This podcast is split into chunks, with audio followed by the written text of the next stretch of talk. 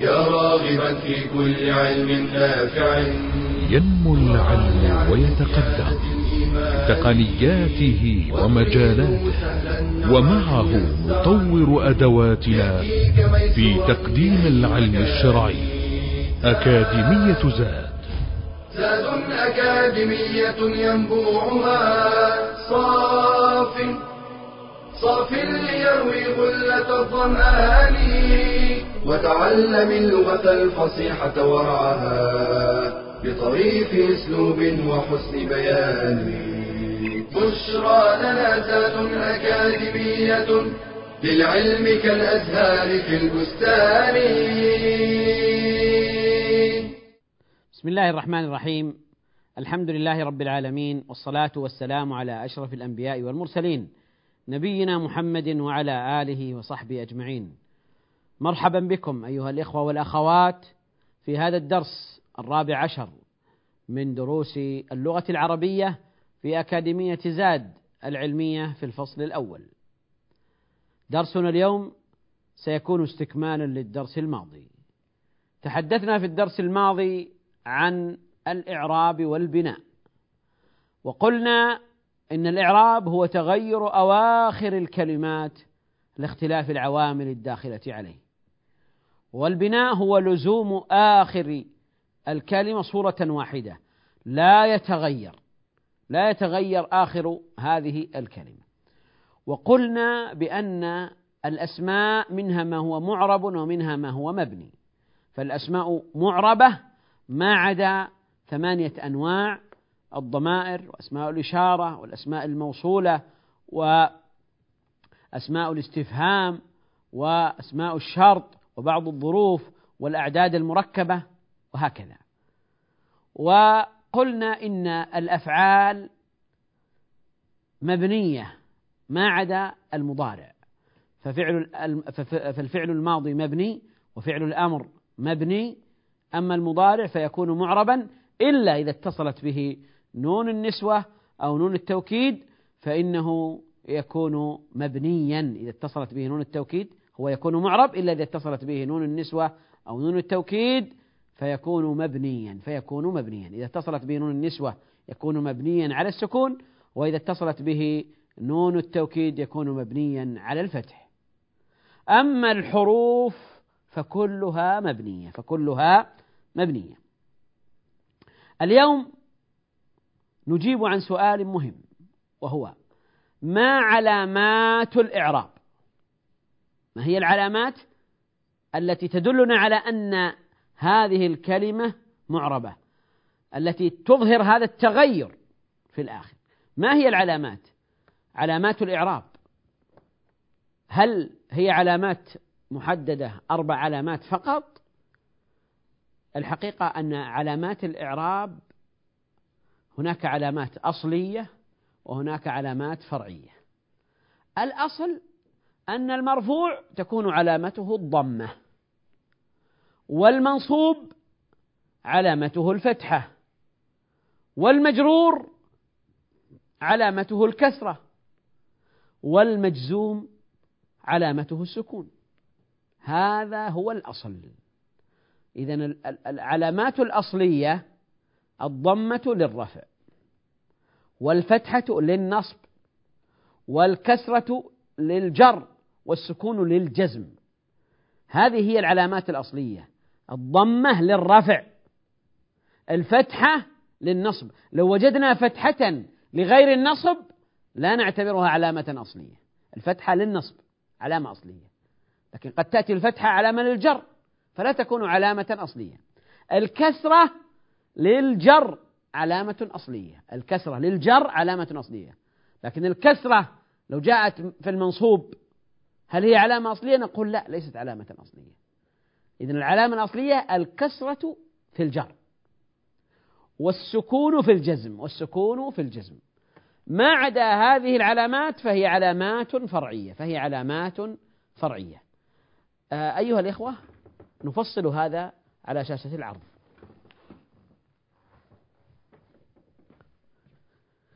إذا علامات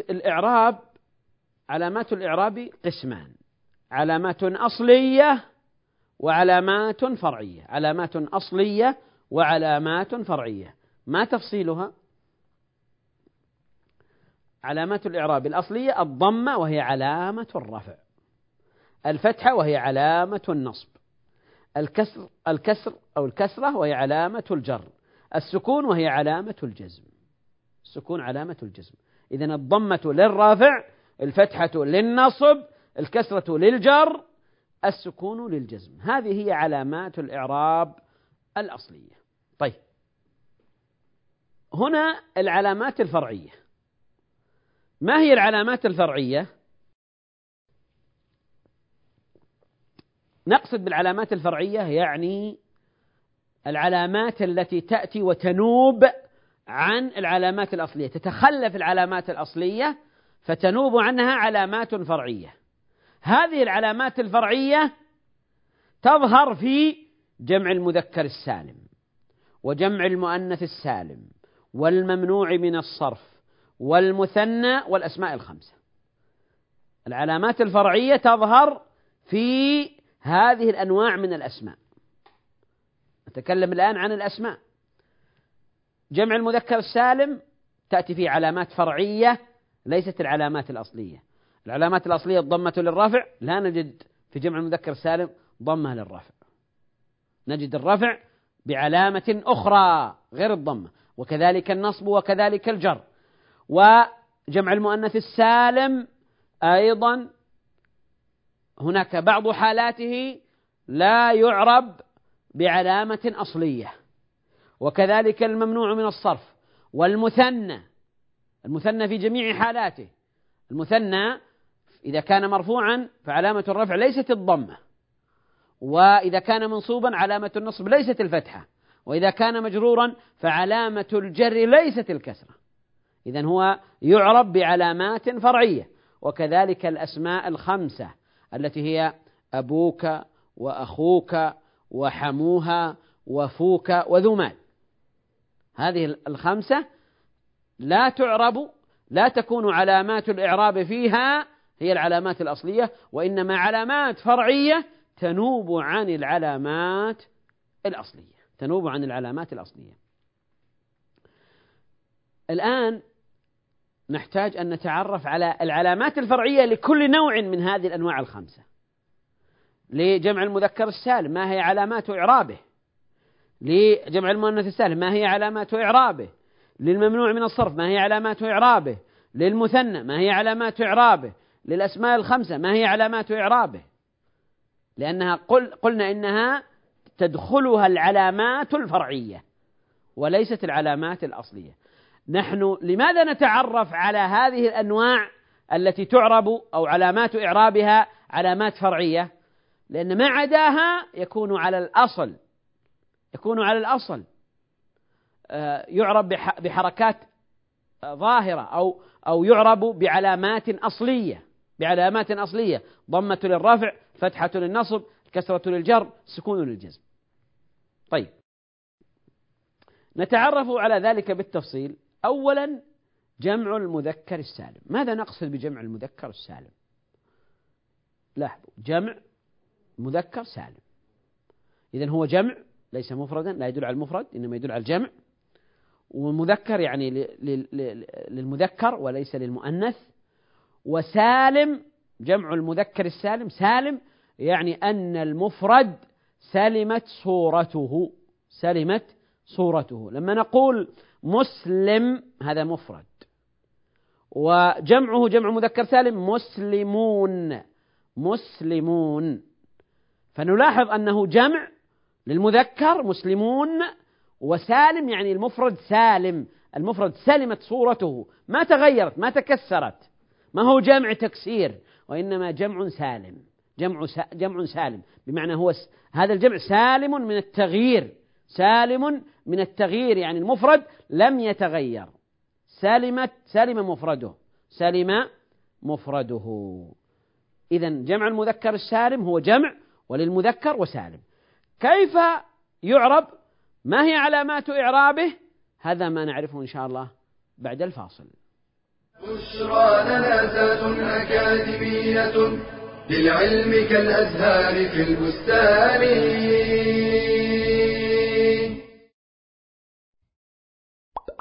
الحلف تعظيم للمحلوف به لذا لا يجوز إلا بالله وأسمائه وصفاته. وفي الحديث من كان حالفا فليحلف بالله أو ليصمت والحلف بغير الله شرك وهو شرك أكبر.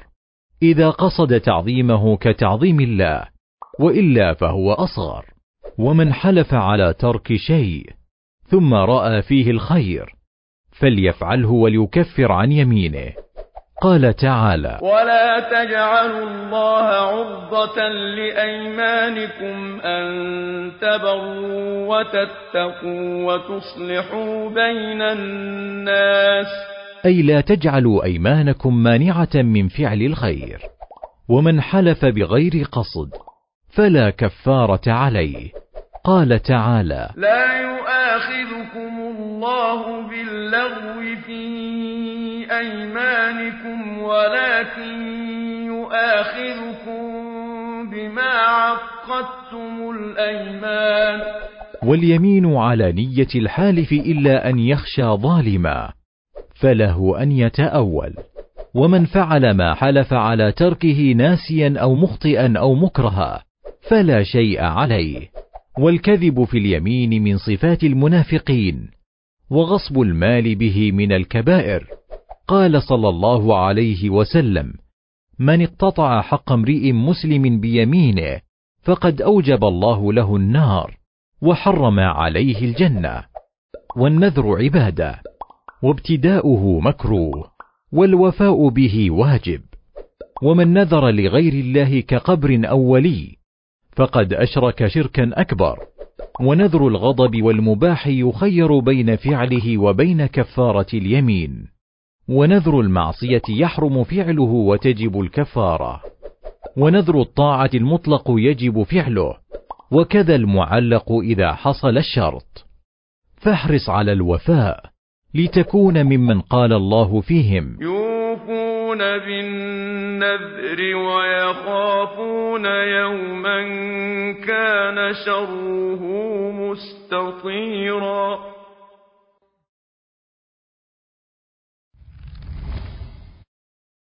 بشرى لنا زاد أكاديمية للعلم كالأزهار في البستان. بسم الله الرحمن الرحيم. أيها الإخوة قبل الفاصل قلنا إن من الأسماء التي تعرب بعلامات فرعية يعني لا تعرب بعلامات أصلية جمع المذكر السالم. وقلنا إن المقصود بجمع المذكر السالم هو الجمع الذي للمذكر ويكون سالما يعني تسلم صورة مفرده مثل مسلم مسلمون مؤمن مؤمنون كافر كافرون.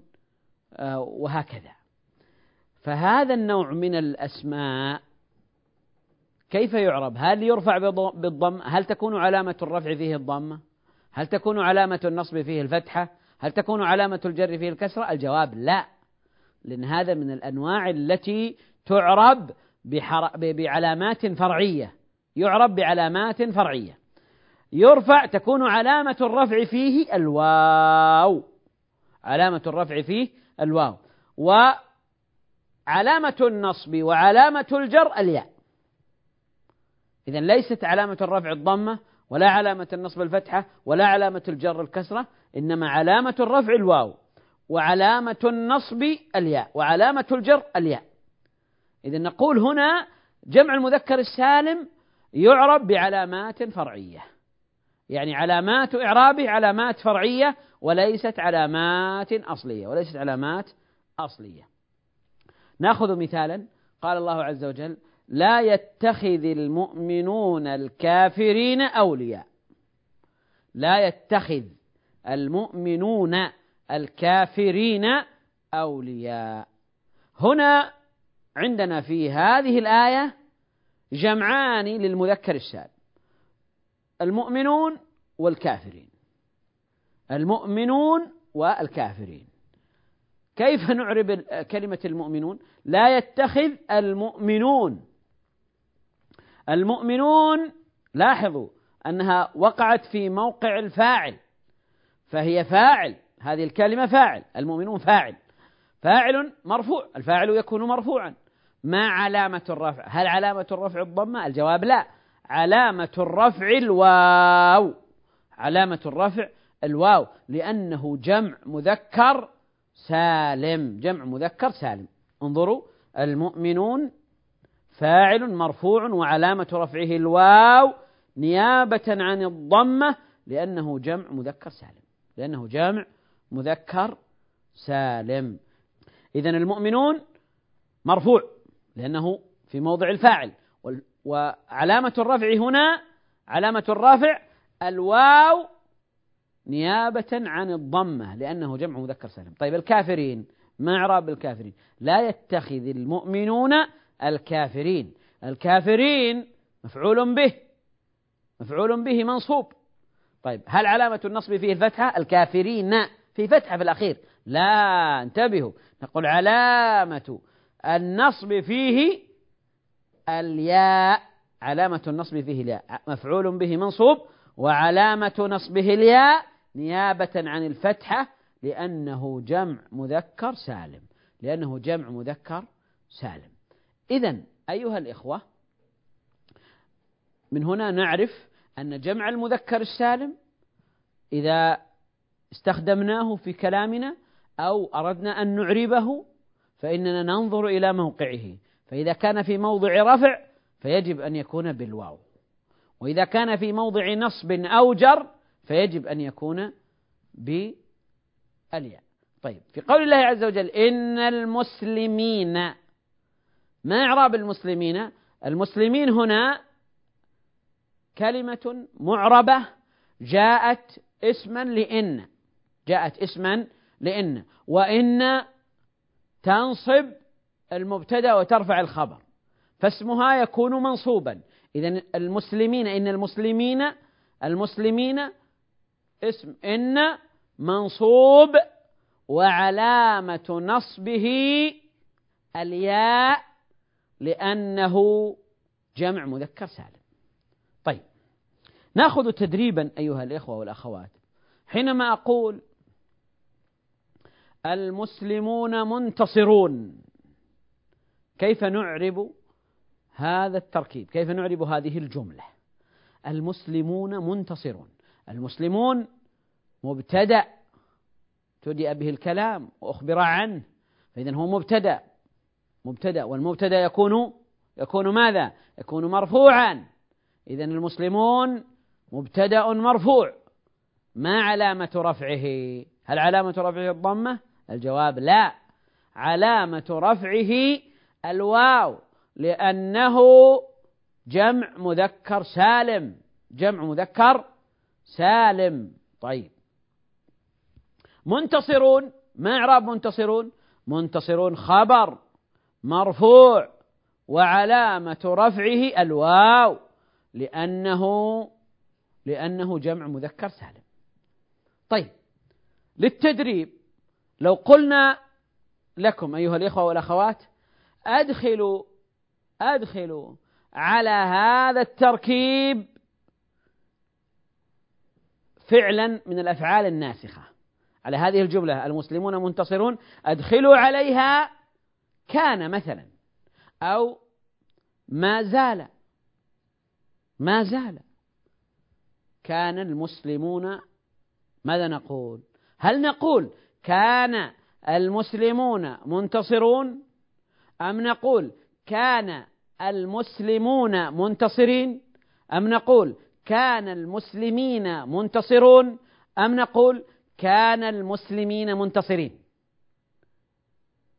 إما أن يكون الأول بالواو والثاني بالواو أو الأول بالواو والثاني بالياء أو الأول بالياء والثاني بالواو أو الأول بالياء والثاني بالياء. فأي هذا يكون صحيحا؟ أي هذه الأربعة؟ الجواب كان المسلمون منتصرين. لماذا؟ لأن كان ترفع المبتدأ وتنصب الخبر. فالمسلمون اسم كان مرفوع وعلامة رفعه الواو لأنه من الأسماء لأنه جمع مذكر سالم. ومنتصرين خبر كان منصوب وعلامة نصبه وعلامة نصبه الياء لأنه جمع مذكر سالم. كان المسلمون منتصرين. طيب إذا قلنا ما زال كذلك نقول ما زال المسلمون منتصرين. ما زال المسلمون منتصرين. طيب إذا قلنا إن إن أو لعل إن أو إحدى أخواتها. إن المسلمون منتصرون؟ لا. إنما إن المسلمين منتصرون. انتبهوا. إن المسلمين منتصرون. لأن هنا المسلمون نحن نتكلم في في علامات الإعراب. المسلمون معرب. وإذا آخره يتغير بسبب اختلاف العوامل. فإن تنصب المبتدأ وترفع الخبر. فإذا ما دام تنصب المبتدأ وترفع الخبر سنقول إن المسلمين منتصرون. إن المسلمين منتصرون. لما نأتي نعرب المسلمين نقول المسلمين اسمه إن منصوب وعلامة نصبه الياء لأنه جمع مذكر سالم. ومنتصرون خبر إن ومنتصرون خبر إن مرفوع. لأن إن تنصب المبتدأ وترفع الخبر وترفع الخبر. إذا إذا إذا رأينا ونظرنا في جمع المذكر السالم ننظر أولا في موقعه. هل هو في موضع رفع أم في موضع نصب أم في موضع جر؟ فإذا كان في موضع رفع فتكون علامة الرفع فيه الواو. وإذا كان في موضع نصب أو جر فتكون علامة الجر فيه الياء. علامة الجر فيه الياء. فاصل أيها الإخوة ثم نواصل بإذن الله عز وجل. بشرى لنا أكاديمية للعلم كالأزهار في البستان.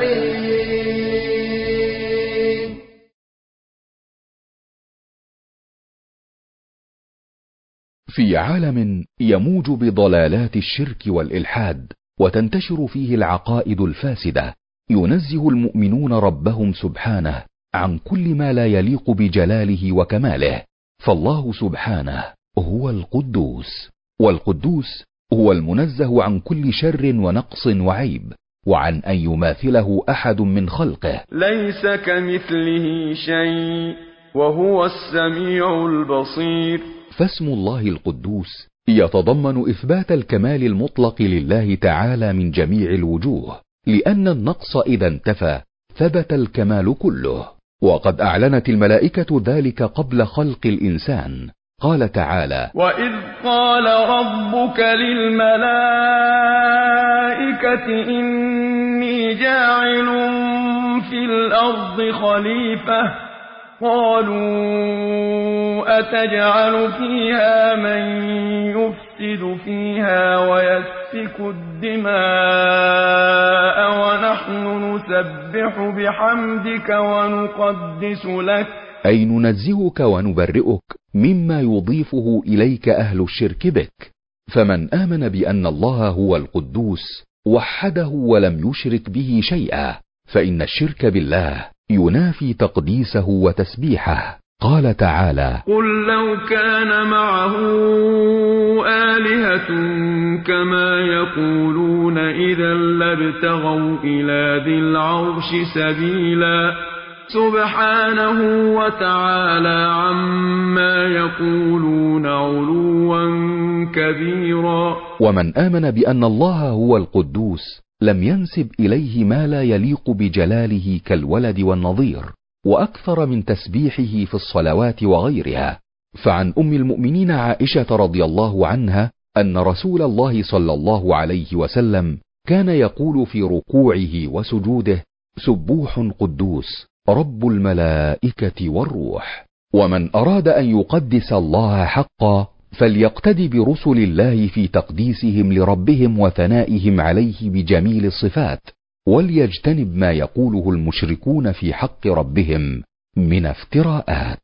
قال تعالى سبحان ربك رب العزة عما يصفون. وسلام على المرسلين والحمد لله رب العالمين. بشرى لنا زاد أكاديمية للعلم كالأزهار في البستان. بسم الله الرحمن الرحيم. أيها الإخوة قبل الفاصل قلنا إن النوع الأول من الأسماء التي تعرب بعلامات فرعية. يعني علامات الإعراب فيها علامات فرعية جمع المذكر السالم. وقلنا إن جمع المذكر السالم تكون علامة الرفع فيه الواو وتكون علامة النصب فيه الياء وعلامة الجر فيه الياء نيابة عن الضمة والفتحة والكسرة. النوع الثاني من الأسماء التي علامات إعرابها علامات فرعية في بعض أحوالها جمع المؤنث السالم. جمع المؤنث السالم. هو جمع وفي الأصل يكون للمؤنث ويكون سالما بمعنى أن مفرده سالم من التكسير لم يتغير مفرده. وهناك من يقول إن هذا الجمع يعبر عنه بقوله ما جمع بألف وتاء مزيدتين. ما جمع بألف وتاء مزيدتين. لابد يكون جمع بألف وتاء مزيدتين لأن هناك من الجموع التي تنتهي بألف وتاء مزيدتين هي للمذكر. للمذكر في الحقيقة لكن مذكر غير عاقل. فهناك من يعبر عنه بجمع المؤنث السالم بحكم الأغلب أنه للمؤنث للمؤنث. لكن لا مشاحة في الاصطلاح. يعني المهم أن يكون هذا الجمع وهذا أمر مهم جدا أن يكون هو جمع وتكون الألف والتاء زائدتين. تنبه لذلك. لا يخلط بين الجموع فربما يكون هناك جمع آخره ألف وتاء لكنهما ليستا زائدتين. ما مثال ذلك؟ لو قلت لكم مسلمات أهو جمع مؤنث سالم أم لا؟ الآن مسلم ومسلمة ومسلمات. ففيه الألف والتاء زائدة. فهذا مما جمع بألف وتاء زائدتين. حينما أقول آآ آه، آآ آه، مثلا آآ آه، أبيات أبيات جمع أليس جمعا؟ آخره ألف وتاء. ما رأيكم؟ هل هو جمع مؤنث سالم؟ أبيات. جمع مؤنث سالم؟ الجواب ليس جمع مؤنث سالما. لماذا؟ لأن التاء التاء أصلية. لأن بيت يجمع على أبيات. بيت ويجمع على أبيات. التاء في أصل المفرد. بيت وأبيات. ولذلك أبيات لا يدخل معنا هنا في هذا الحكم لأنه ليس جمع مؤنث سالما. لأن الألف لأن التاء ليست زائدة. يشترط في جمع المؤنث السالم أن تكون الألف والتاء الألف والتاء زائدتين أن تكون الألف والتاء زائدتين. لو كانت الألف زائدة والتاء ليست زائدة لا يدخل. لو كانت التاء زائدة والألف ليست زائدة أيضا لا يدخل. لا بد أن تكون الألف والتاء زائدة. ومثال ذلك أيضا أموات. هل هذا الجمع مما جمع بألف وتاء مزيدتين؟ الجواب لا لأن التاء ليست ليست زائدة بل هي موجودة في المفرد. ميت وأموات أو ميت وأموات. وهكذا. فإذا جمع المؤنث السالم هو ما جمع بألف وتاء مزيدتين. طيب كيف يعرب هذا؟ ما علامات إعرابه؟ يرفع ويجر بعلامة أصلية في الرفع والجر. في الرفع والجر علاماته أصلية. طيب إذا ما العلامات الأصلية؟ الرفع ما علامته الأصلية؟ الضمة. إذا هذا النوع من الجموع جمع المؤنث السالم علامة الرفع فيه الضمة. علامة الرفع فيه الضمة. طيب ما علامة الجر؟ علامة الجر فيه الكسرة. علامة الجر فيه الكسرة. لأنه يعرب يرفع ويجر بعلامة أصلية. إذا علامة الرفع فيه الضمة الضمة في الرفع والكسرة في الجر. طيب. النصب ينصب وتكون علامة النصب فيه علامة فرعية وهي الكسرة نيابة عن الفتحة. علامة علامة الجر في جمع المؤنث السالم الكسرة. وليست الفتحة. طيب الكسرة علامة أصلية ولا فرعية؟ الكسرة في الجر علامة أصلية لكن إذا كانت الكسرة في النصب فهي علامة الكسرة في الجر علامة أصلية. أما الكسرة في النصب فهي علامة فرعية لأن النصب علامته الفتحة. فلما تأتي الكسرة علامة للنصب فهي علامة فرعية. فإذا نقول إن جمع المؤنث السالم يعرب وتكون علامة الإعراب فيه علامة فرعية في حال النصب فقط. أما في حال الرفع وفي حال الجر فالعلامة فيه أصلية. الرفع بالضمة النص الجر بالكسرة أما النصب فيكون بالكسرة. يعني حينما أقول حافظت المسلمات على حجابهن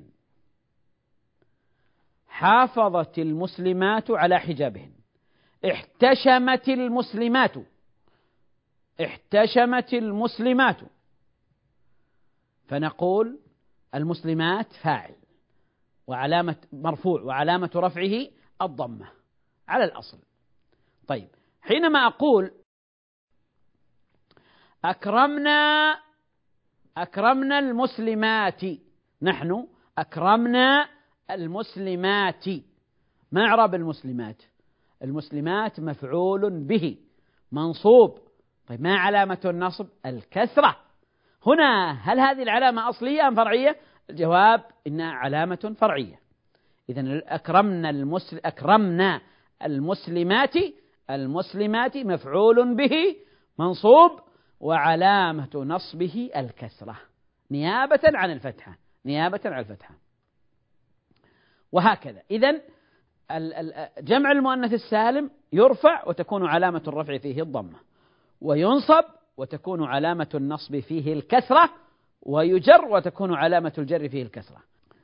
إذا جمع المؤنث السالم يرفع بعلامة أصلية ينصب بعلامة فرعية وهي الكسرة يجر بعلامة أصلية وهي الكسرة وهي الكسرة. فالكسرة تكون في النصب وفي الجر. في النصب علامة فرعية وفي الجر علامة أصلية. نأخذ مثالا. كقوله تعالى إن المسلمين والمسلمات. قبل الفاصل أعربنا المسلمين وقلنا إن المسلمين اسم إن منصوب وعلامة نصبه الياء. طيب الآن حرف العطف جاء واو. والمسلمات. إن المسلمين والمسلمات والمؤمنين والمؤمنات. والمسلمين والمسلمين والمسلمات. فالمسلمات هنا كيف نعربه؟ نقول إنه معطوف. معطوف على المسلمين. هذا عطف يسمى عطفا. المسلمات معطوف على المسلمين. وهذه الواو تسمى واو العطف. تسمى واو العطف. والمعطوف يتبع المعطوف عليه. المعطوف يتبع المعطوف عليه. فإذا هذا منصوب إذا هذا يكون منصوبا. هذا المنصوب ما علامة نصبه المسلمين؟ علامة نصبه الياء. أما هذا فعلامة النصب فيه الكسرة. فعلامة النصب فيه الكسرة. فحينما نعربه نقول والمسلمات معطوف على اسم إن المسلمين اللي هو اسم إن منصوب. وعلامة نصبه الكسرة نيابة عن الفتحة لأنه جمع مؤنث سالم. لأنه جمع مؤنث سالم. فإذا نحن حينما نعرب جمع المؤنث السالم فإذا وجدناه في موضع نصب كما في هذا الموضع لأنه معطوف على منصوب فيكون منصوبا مثل فيكون منصوبا مثله فإننا نجده قد نصب وعلامة النصب فيه الكسرة. وعلامة النصب فيه الكسرة. إذا خلاصة الكلام أيها الإخوة أننا نقول إن الأصل في الأسماء أن تعرب بعلامات أصلية الضمة للرفع والفتحة للنصب والكسرة للجر وهناك أنواع من الأسماء خرجت عن هذا الأصل خرجت عن هذا الأصل كيف؟ يعني أنها تعرب وتكون علامات الإعراب فيها علامات علامات فرعية علامات فرعية كيف؟ عندنا جمع المذكر السالم جمع المؤنث السالم الممنوع من الصرف المثنى الأسماء الخمسة. تعرفنا على جمع المذكر السالم وقلنا إنه يرفع وتكون علامة الرفع فيه الواو وينصب وتكون علامة النصب فيه الياء ويجر وتكون علامة النصب فيه الياء. وكذلك أيضا جمع المؤنث السالم قلنا إنه يعرب وتكون علامات الإعراب فيه آه، في الرفع علامة أصلية وهي الضمة وفي النصب علامة فرعية وهي الكسرة وفي الجر علامة أصلية وهي الكسرة. وبهذا نكون قد أنهينا الحديث عن نوعين من الأسماء التي خرجت عن الأصل في علامات الإعراب. هما جمع المذكر السالم وجمع المؤنث السالم. إلى أن نلتقي إن شاء الله في درس قادم. أستودعكم الله. والسلام عليكم ورحمة الله وبركاته. تلك العلوم دروسها ميسورة في صرح علم الراسخ الأركان. بشرى لنا بشرى لنا بشرى لنا زاد أكاديمية للعلم كالأزهار في البستان.